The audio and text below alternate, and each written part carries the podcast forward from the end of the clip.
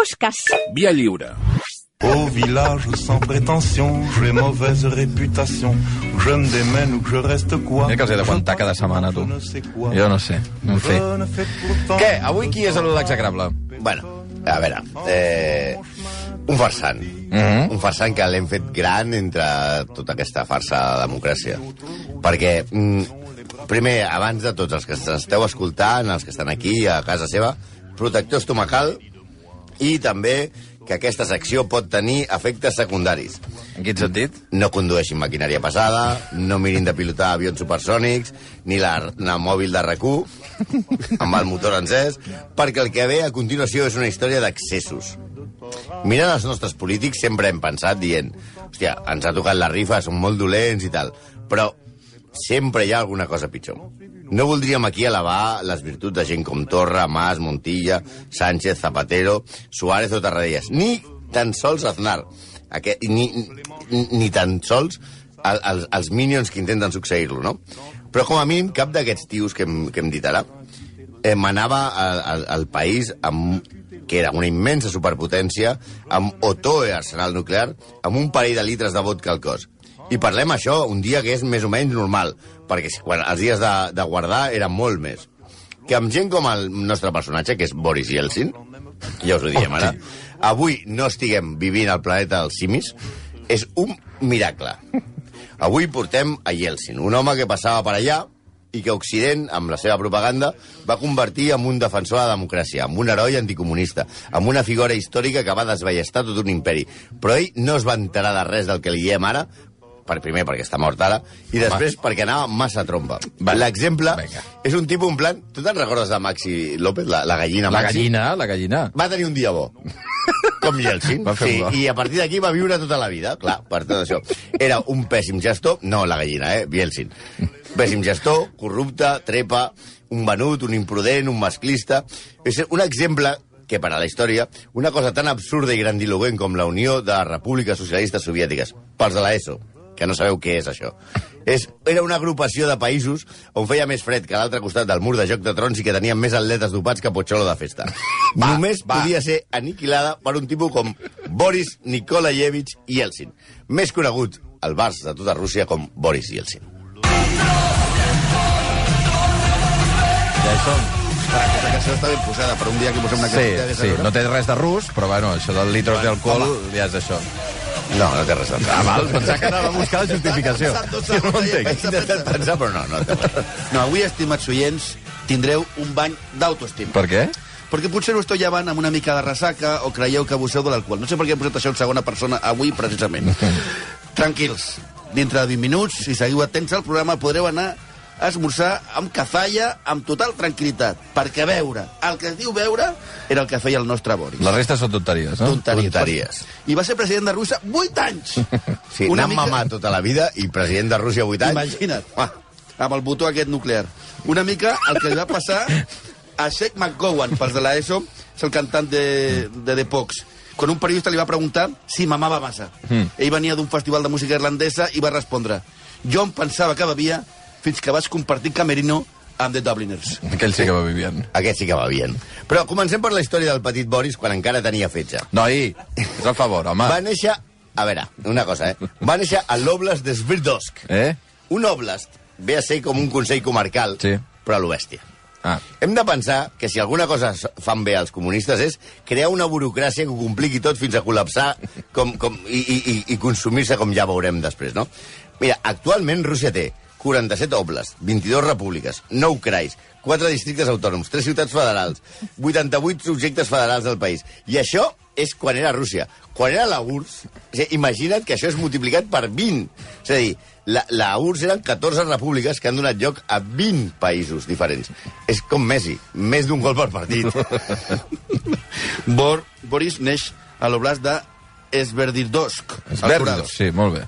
Als Urals, que és com la Lleida de, de l'URSS. Eh? Noi, que no- que no passa res, Respecte allà. per la Lleida. La capital és. Ekaterinburg, que està a uns 1.780 quilòmetres de Moscou.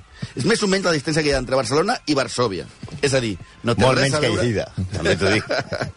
És a dir, no té res a veure amb la capital, no té cap opció de pintar res a la política de la URSS, de Stalin, i tot apuntava a que el nostre Boris es passaria la vida mirant que no el deportessin a un gulag. No, vols fer favor. un gulag de l'ESO no és un succedani de l'angular. No. Sense cridar massa l'atenció. És que tenia por perquè el portessin al Gulag perquè Per què? el seu pare, Nikolai, l'any Sí. 1934, ja va estar 3 anys a un Gulag, no són masses, però en un Gulag es fan llargs, amb uns quants milions de persones més que va tancar Stalin. Aquest fet hauria provocat un rebuig al sistema en qualsevol nen de 5 anys, que és l'edat que tenia Boris Yeltsin aleshores, però no en el nostre agosarat Boris, que de ben petit va demostrar tenir iniciativa i empremta. Tanta que no únicament es va apuntar al Partit Comunista, eh, visquin remei, Sí, no, sin- no, clar, no, no t'apuntes. Què vols fer? Què volies fer en aquell moment? Si no, que, a Ciudadanos, no. sinó que un dia, quan tenia 12 anys, va, va trobar-se, mentre jugava amb els seus amigotes, una granada al mig del camp. Com una granada? Una granada. Una bomba? guerra, Sí. Sí, no, no, no la que tenim aquí de fruita. No, no. I, I en plan MacGyver van començar a jugar a desmuntar-la. Què dius, home? Sí, sí, és el que fa no tenir Els nens PlayStation. abans no tenien PlayStation. Això, Què feien? Què fan? Ah, Desmunten una granada. Una granada! No, però, la, eh, I la va desmuntar per partida doble. Què vols va dir? desactivar la granada per la via de l'explosió. Què dius? Es va, Sí, sí, li, va, sí. li va patar la granada? Sí, i també es va deconstruir una mica la mà perdent dos dits. Hosti. Ah, Però encara va sortir bastant bé. Sí, Home, sí, perquè una granada peti a la cara. Sí. Aquesta gesta, que li va impedir progressar com a cirurgià o, jo sé, violinista, però va fer molt popular entre els líders comunistes locals que van veure en aquell tros de burro algú amb fusta per fer més el partit. Sí, el tio... Si van veure un tio que se- Sí, s'aixeca... polles, com per desmuntar una granada amb 12 anys, diuen, hòstia, aquest tio És un, té fusta de líder. té fusta de líder del Partit Comunista. Aleshores, el bequen per anar a la universitat, on es treu el títol de constructor, que és un títol que aquí no existeix, perquè si no Jesús Gil seria catedràtic. però, però mai va exercir, a, a, exercir el, el, el títol malgrat la desesperació del seu pare, que havia sortit del Gulag, i comença a escalar posicions fins a ser cap del PQS de la regió. PQS vol dir el Partit Comunista de la Unió Soviètica. Per entendre's, no era ni, una, ni un baró del PSOE, mm. però era una època de canvis a la URSS on comença a manar Gorbachev. Un senyor absolutament gris, que també passava per allà, i que s'inventa dues paraules, atenció, que van fer fortuna. Glasnost i perestroika, que volen dir apertura i reestructuració. En una immensa sopa de lletres d'innumerables comitès dirigits per una gerontocràcia, gerontocràcia vol dir gent molt gran que mana molt com qualsevol mitjà de comunicació que no sigui aquest.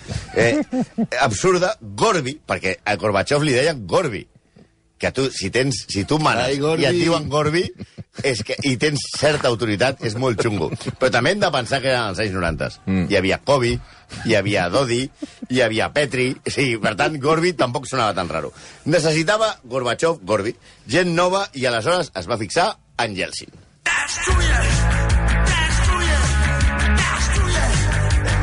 És una cançó russa que hem posat. Sí, I sí, sí. Yeltsin no hagués passat de ser un Rodríguez Ibarra de la, de la URSS, de no ser que com a responsable del partit a Ekaterinburg va decidir, sense preguntar, derruir el 1777... 1900, home, sí, sí. fotis. Bueno, és gran, però no tant, eh? 1977... 1977... A veure, tornem a dir-ho. 1977. ¿Dónde estabas tú en el 77? la casa Ipatiev, que, com tots vosaltres sabeu, era la residència on van ser executats el 1918 el tsar Nicolás II, la tsarina Alexandra i els seus cinc fills i quatre O sigui, membres va, del servei. va tirar a terra la història d'un edifici... història, vull dir, Però a mi em sembla molt xungo que tu et pots carregar el SAR, a la Zarina, els Mm. fills... Va, els fills... El servei. Sí, també. Però carrega't el servei... No, home, no fotem, tio. Sí, sí. Però bueno, és a dir, que si fos pel bo del Boris, el Valle de los Caídos seria avui un fara. Sí, la casa on van matar la família real russa era com un símbol que ni Stalin s'havia atraït a demolir. Boris, un dia després dels xupitos, després de dinar, va dir ¿Qué voy a hacer ahora? Pues me cargo la casa. I fora d'aquí tota. Era un mite barra, un monument de la història russa. Aquesta empenta va fer que Gorbachev es fixés amb ell i el va nomenar membre del Politburo. El Politburo, perquè us enteneu, eh, ve ser com el jurat d'OT, però manant molt més. Poc temps després va paradir de la seva idea, més o menys com quan eh, Puigdemont va agafar Santivila per portar-lo al govern. Sí. A Moscou, Yeltsin va fer carrera i ja... Podeu riure més alt, eh, també.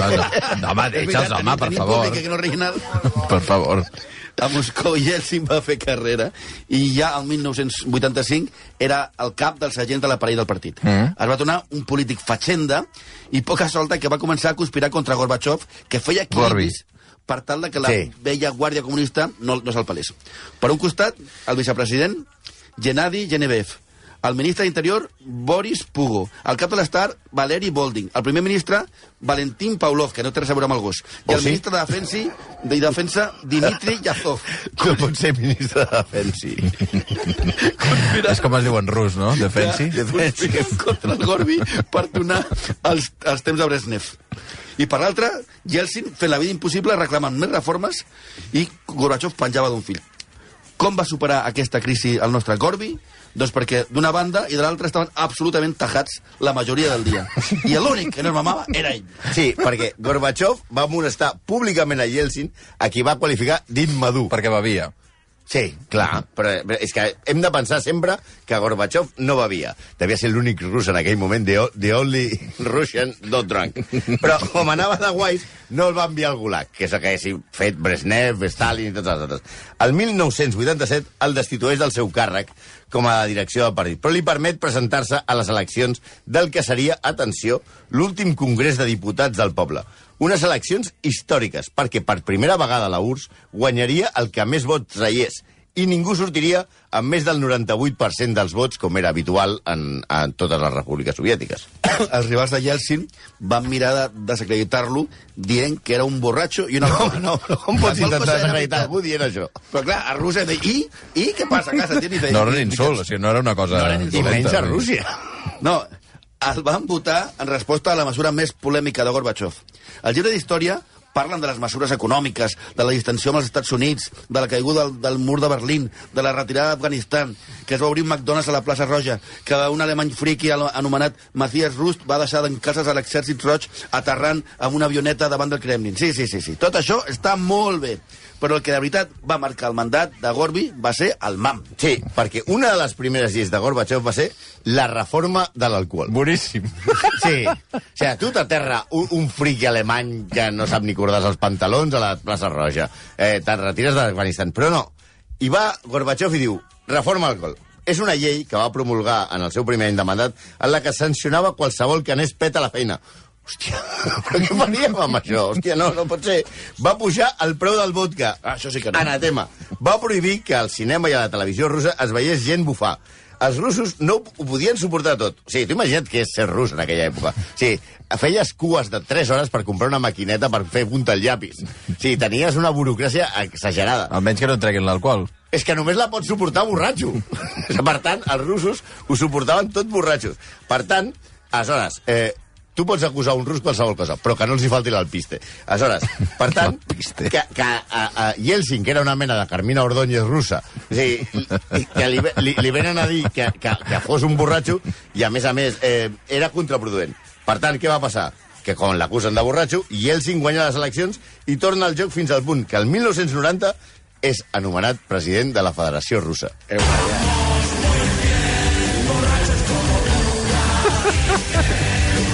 cançó russa, Llavors, què li passa al Gorbachev? doncs que ha arribat a aquest estat de Ell no coses... sabia què li passava, també t'ho dic, eh? no s'enterava de res.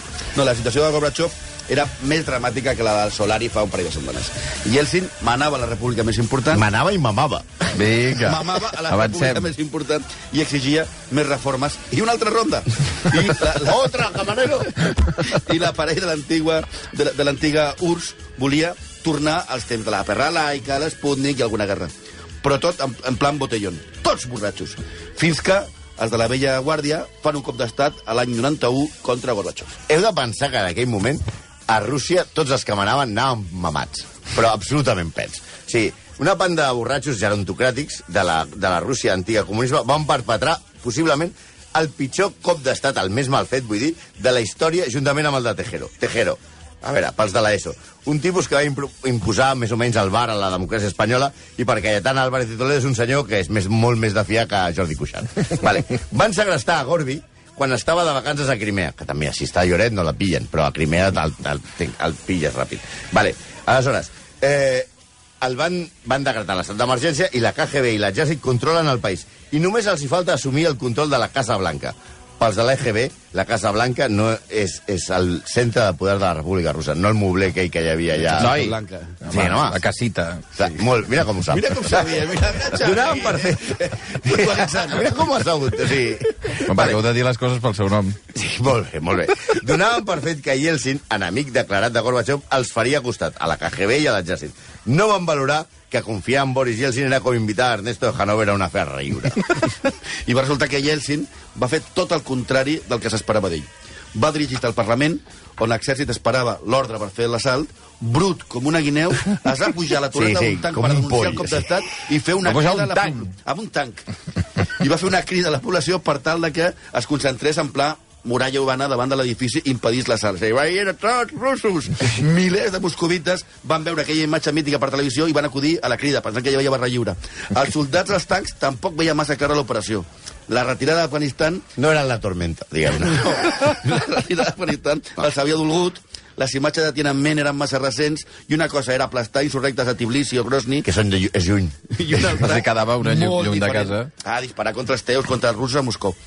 Es van quedar paralitzats mentre Yeltsin, amb una xufa de campionat, es dirigia al Parlament a dirigir.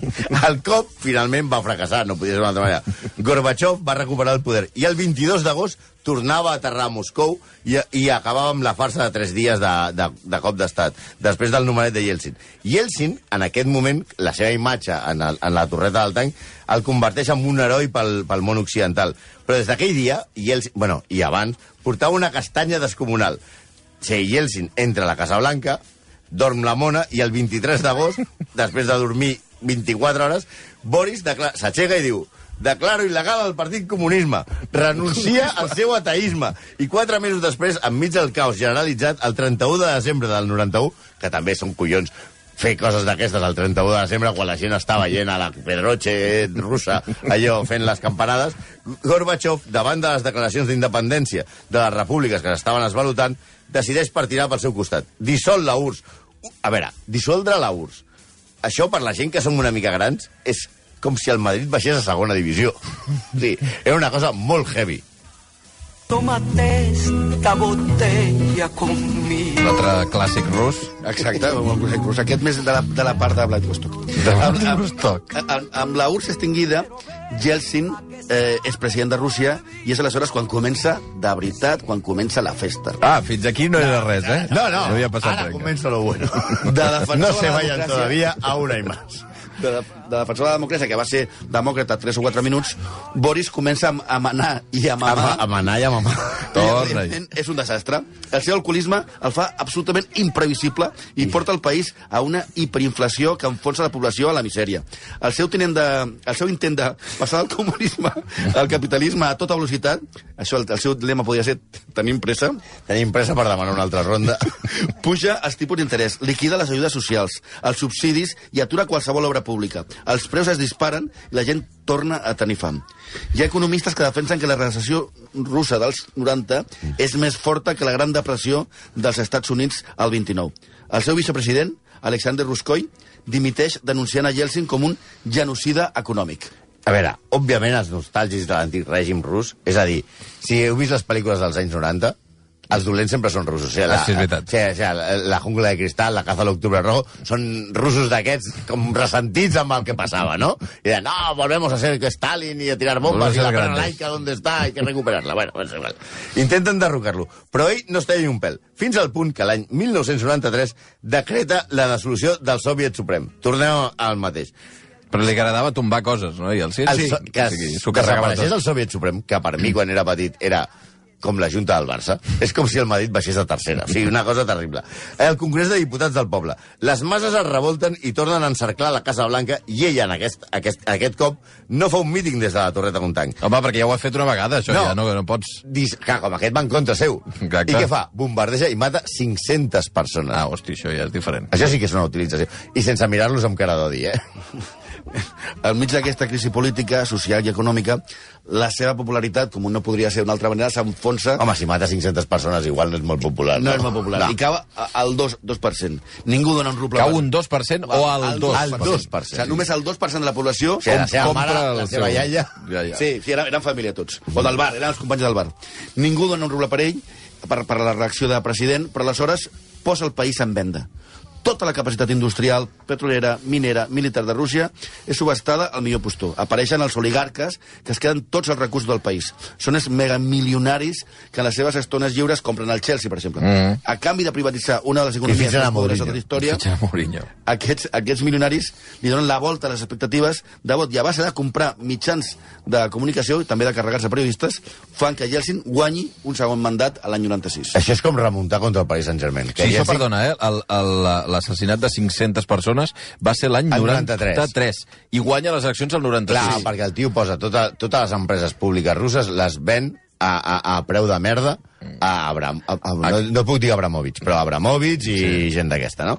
Aleshores, a canvi de que m'ajudeu a tornar clar, a guanyar. ells compren els mitjans de comunicació i el periodista que no el mataven a la porta de casa seva. Per tant, el que va fer té molt de mèrit, perquè van acollonir a la població amb la idea de que si no guanyava Boris Yeltsin tornarien als gulags i al comunisme, i hi hauria una nova guerra civil, una nova guerra mundial. Yeltsin va perdre la primera volta, però va guanyar sobrat la segona. Sí, com deien, té molt de mèrit això perquè a les seves anècdotes de borratxo eh, de, el comandament d'una superpotència nuclear són d'aquest període. En aquesta època és quan apareix Tajat a situacions, de les situacions més insospitades que es podeu trobar, podeu trobar fàcilment a, a internet. Per exemple, el 1984, totalment pet, amb una visita a Alemanya, el, és no- 94, perdó, eh, fa fora el director d'orquestra per dirigir els músics. No, no, no, és, la, és la imatge Aparte, que, sí. que, que aparta i comença a ballar. amb Però res comparat amb la meva anècdota favorita de Boris Yeltsin. En un sopar de gala amb el president de Kirguizistan, Askar Akayev, es va aixecar amb un estofat com un castell i va començar a picar-li la calva amb dos collaretes a la, a sobre el cap. Sí, la supera el dia que va... Sí, sí, a l'hora del postre, què quiere? ¿Contesa o brazo gitano? Espera, que m'aixeco, agafa dos cucharillas, traiga dos cucharillas. I pom, pom, pom, pom, i li comença a picar a la calva, tipus. Tipo Benny Hill. Sí. A mi una que m'agrada molt és la que va visitar Clinton i es va allotjar a la Blair House, que és la casa on s'allotgen els dignataris més importants i quasi li disparen perquè va aparèixer al jardí en calçotets i samarreta intentant buscar un taxi per anar a comprar una pizza amb una papa descomunal. Precisament. Per favor! Taxi! Domi, pizza Hut! Bueno, amb gallumbos, allò. Bueno, però precisament quan torna d'aquest viatge als Estats Units feia escala a Dublín, on tenia una entrevista programada a l'aeroport amb el primer ministre d'Irlanda, que estava allà esperant amb tot el gabinet al peu de l'avió per, per tenir una, una, una reunió a la sala d'autoritats de l'aeroport de Dublín. Però, clar, resulta que aterra el, l'Air Force One d'Aeroflot, sí. que devia anar a pedals, i es queden allà plantats una hora i mitja plovent i el primer ministre d'Irlanda amb, tot el, amb tot el consistori irlandès esperant. I aleshores baixa què el cap de passava? gabinet i diu Boris está indispuesto, no puede bajar. Portava anava com un gat. sí, sí. Si arriba a sortir... a, a quatre grapes per la- per la- per l'avió, no? li fot una trallada a sobre. Tampoc està gens malament el dia que va anar de visita oficial a Suècia. I li van presentar a Björk Borg, el, el, El tenista. El tenista. No, no, el, el, el conductor de, de, de ferrocarrils. Home, no, he fet, he fet un apunt només, I li, li, Borg. I li va dir que tenia cara de mandonguilla d'Ikea. Però què dius, home? Però, malgrat tot això, Però la ja gent existia. el tolerava. Ja existia. La gent russa el tolerava i el votava, perquè el seu discurs més recordat electoralment és quan es va dirigir a la nació russa el 1996 i va dir hi ha molta... Obro cometes, eh? Hi ha molta gent que em diu que el vodka és massa barat i hauríem de pujar els preus però no tinc el valor de fer-ho. La gent té un sentiment especial per aquesta beguda. No fa res un glop o dos després de la feina. Esteu segurs que no tindré pressa per pujar el preu. O sigui, dient això, o sigui, jo te voto. Jo, gran eslògan electoral, no tindré pressa per pujar el, el preu del vodka. El, el 31 de desembre del 99, no sé quina aquesta mania de fer tot el 31 de, de Els desembre, sigui, el 31 de desembre. 31 de desembre, eh, a les 12 de la nit, Yeltsin va comunicar al poble rus que renunciava al poder per motius de salut, només tenia el fetge, i anomenava fins a, a, a una persona fins a, fins a aquell moment desconeguda, que era un col·laborador seu que es deia Vladimir Putin. Que no el coneixia ningú. Ningú, aquest era un desconegut, portava la KGB. Eh, mesos abans, Sergei eh, Stepashin, primer ministre i potencial su successor de Yeltsin, va ser fulminat, juntament amb tot el seu gabinet, de la mateixa manera que tots els col·laboradors directes de Boris. Van rebre ofertes de jubilació que no van poder rebutjar. Val dir que Putin és abstemi, eh? És abstemi, Putin. Abstemi, sí, sí. Això ho explica Això és tot. intolerable. Això ho explica tot. Ah, Uh, per cert, que m'ho recordava el Carles i ara m'ho enviava un oient que Boris Yeltsin el van operar d'una hèrnia discal Sí. a l'Hospital de Barcelona el l'1 de maig del 90. Em posaven l'enllaç de la notícia del país i, i deia això que... la, la, la sang que li van treure per la transfusió està embotellada a les bodegues Torres. Sauf les manchots, soi. No tinc res més a dir. 11 i 8, adeu, va, passeu. Viendra me voir pendu. Moltes gràcies. Sauf les aveugles, bien entendu.